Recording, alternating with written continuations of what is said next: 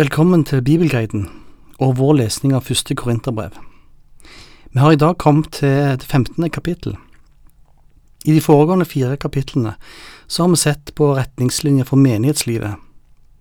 Nå vender Paulus seg til et tema som har blitt betvilt i forsamlingen i Korint, nemlig viktigheten av Jesu oppstandelse.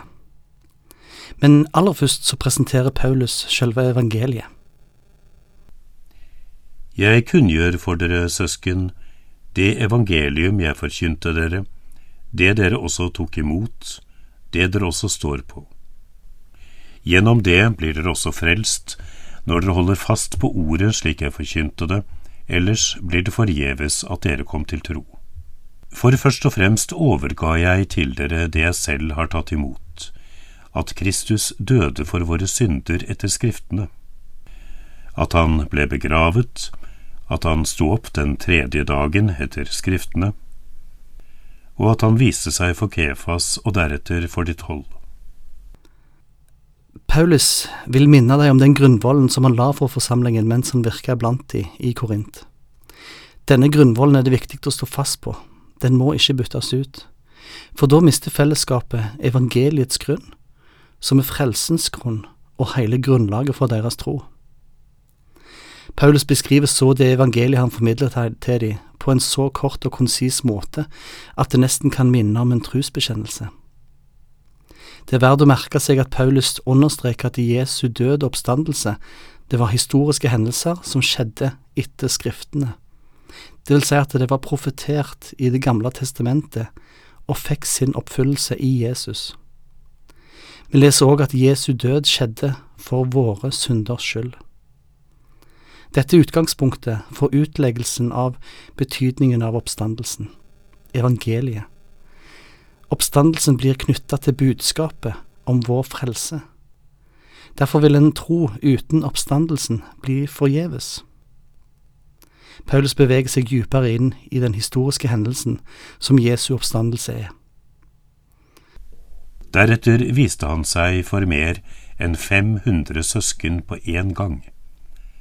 Av dem lever de fleste ennå, men noen er sovnet inn. Deretter viste han seg for Jakob, deretter for alle apostlene. Aller sist viste han seg for meg, jeg som bare er et ufullbåret foster. For jeg er den minste av apostlene. Jeg er ikke verdig til å kalles apostel, for jeg har forfulgt Guds kirke men ved Guds nåde er jeg det jeg er, og Hans nåde mot meg har ikke vært bortkastet. For jeg har arbeidet mer enn noen av dem, det vil si ikke jeg, men Guds nåde som er med meg. Men enten det er jeg eller de andre, dette forkynner vi, og dette har dere tatt imot i tro. Beretningen til Paulus er etterprøvbar for leserne. De kan oppsøke øyenvitnene til Jesu oppstandelse. Det er overveldende beviser for oppstandelsen, sier Paulus. Jesu oppstandelse er ikke en teori som får religiøs betydning. Nei, Jesu oppstandelse er historie, det er fakta. Paulus hadde aldri våga å vise til de mange hundre øyenvitnene hvis ikke oppstandelsen var virkelig. Aller sist viste Jesus seg for Paulus som ikke ønsker å vise til annet enn nåde som kvalifikasjon for sin apostelgjerning. Han har bevisst sin tjeneste, som han har med iver, men det er Guds nåde som har vært drivkraften som har drevet Paulus i sin tjeneste for Guds rike. Dette ble en liten parentes i brevet, for Paulus kommer straks tilbake igjen til hovedsaken. Og det han vil poengtere, er at alle apostlene samstemmer i evangeliet om Jesu død og oppstandelse. Det var òg dette budskapet han overgav til menigheten i Korint, og det var dette budskapet han hadde forsikra seg om at de hadde mottatt. Det forundrer Paulus at noen i Korint ikke tror på oppstandelsen, for Jesu oppstandelse er avgjørende for vår tro. Men når det blir forkynt at Kristus er stått opp fra de døde, hvordan kan noen blant dere da si at det ikke finnes noen oppstandelse fra de døde? For hvis de døde ikke står opp, er heller ikke Kristus stått opp. Men er ikke Kristus stått opp, da er vårt budskap tomt, og deres tro er også tom. Da står vi som falske vitner om Gud.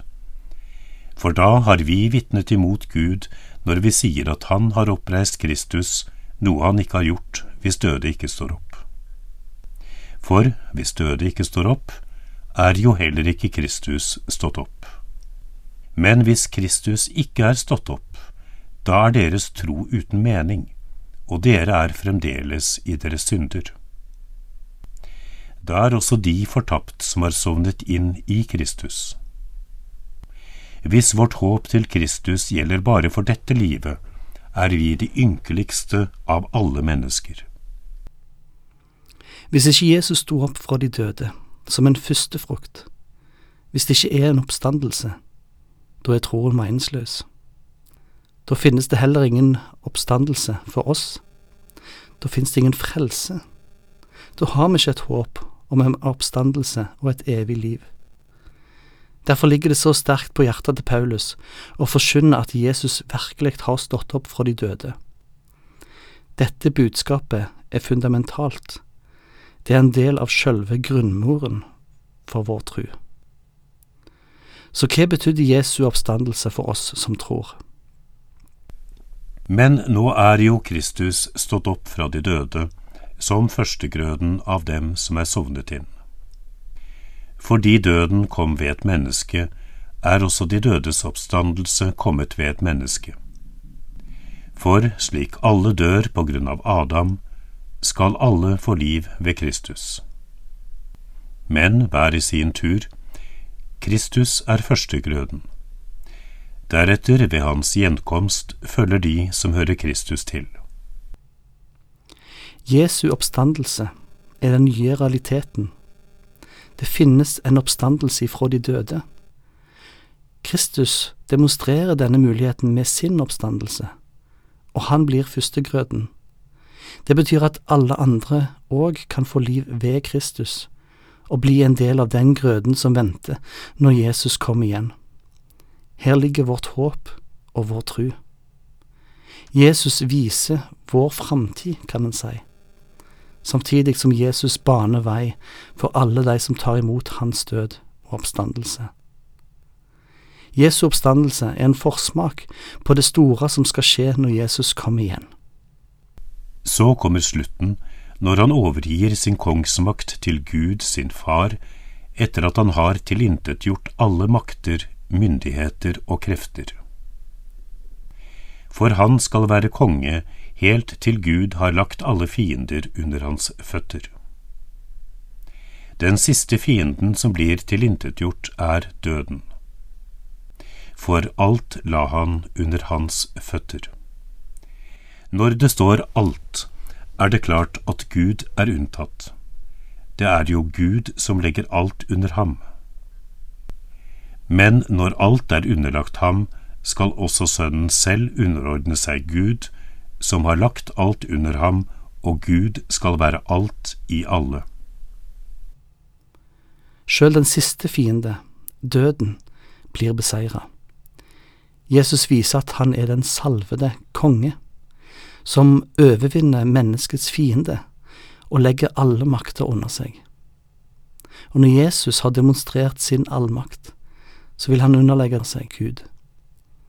Dette er den djupeste meningen med tilværelsen, å bli underlagt Gud Fader, både som enkeltindivid, samfunn, skaperverk, og vi er på mange måter tilbake i Edens hage, hvor Gud var alt i alle. Vi er tilbake i en tilværelse i tillit til Gud, framfor en tillit til egne makt og vurderingsevner. Deretter trekker Paulus fram både praksis og erfaring som understreker oppstandelsens virkelighet blant de troende. Det første eksempelet virker nokså underlig. Men det andre erfaringsargumentet kjenner vi dessverre godt igjen i vår tid. Hvorfor lar noen seg døpe for de døde? Hvis de døde ikke står opp, hvorfor lar de seg da døpe for dem? Og hvorfor utsetter vi oss da for fare hver time på dagen? Ja, mine søsken, Jeg dør hver dag. Det er like sant som at jeg er stolt av dere i Kristus Jesus. Var det bare med et rent menneskelig håp jeg kjempet mot ville dyr i Efesos, hva godt hadde det tjent til for meg? Hvis de døde ikke står opp, så la oss spise og drikke, for i morgen dør vi. Vi kjenner ikke mer til denne skikken med å la seg døpe for de døde, ifra andre skriftsteder eller andre kilder. Men poenget med argumentet er at denne handlingen bygger på en overbevisning om en reell oppstandelse fra de døde. Hvis ikke ville skikken vært helt meningsløs. Selve handlingen er et vitnesbyrd om en djup forankra tru på oppstandelsen. Det andre argumentet var noe som vi vet er en erfaring kristne til alle tider har opplevd. Hvorfor risikere livet for trua om det ikke er en oppstandelse? At troende har uttalt forfølgelse i snart 2000 år, er et bevis for ikke bare troa, men overbevisningen om en oppstandelse fra de døde.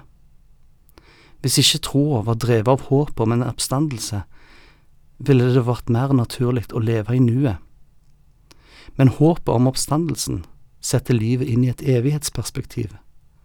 Oppstandelseskraften gir oss et håp som utholder lidelse fordi det strekker seg ut over det timelige og inn i evigheten. Paulus har mer å si om oppstandelsen, men det får vi se mer på i neste episode.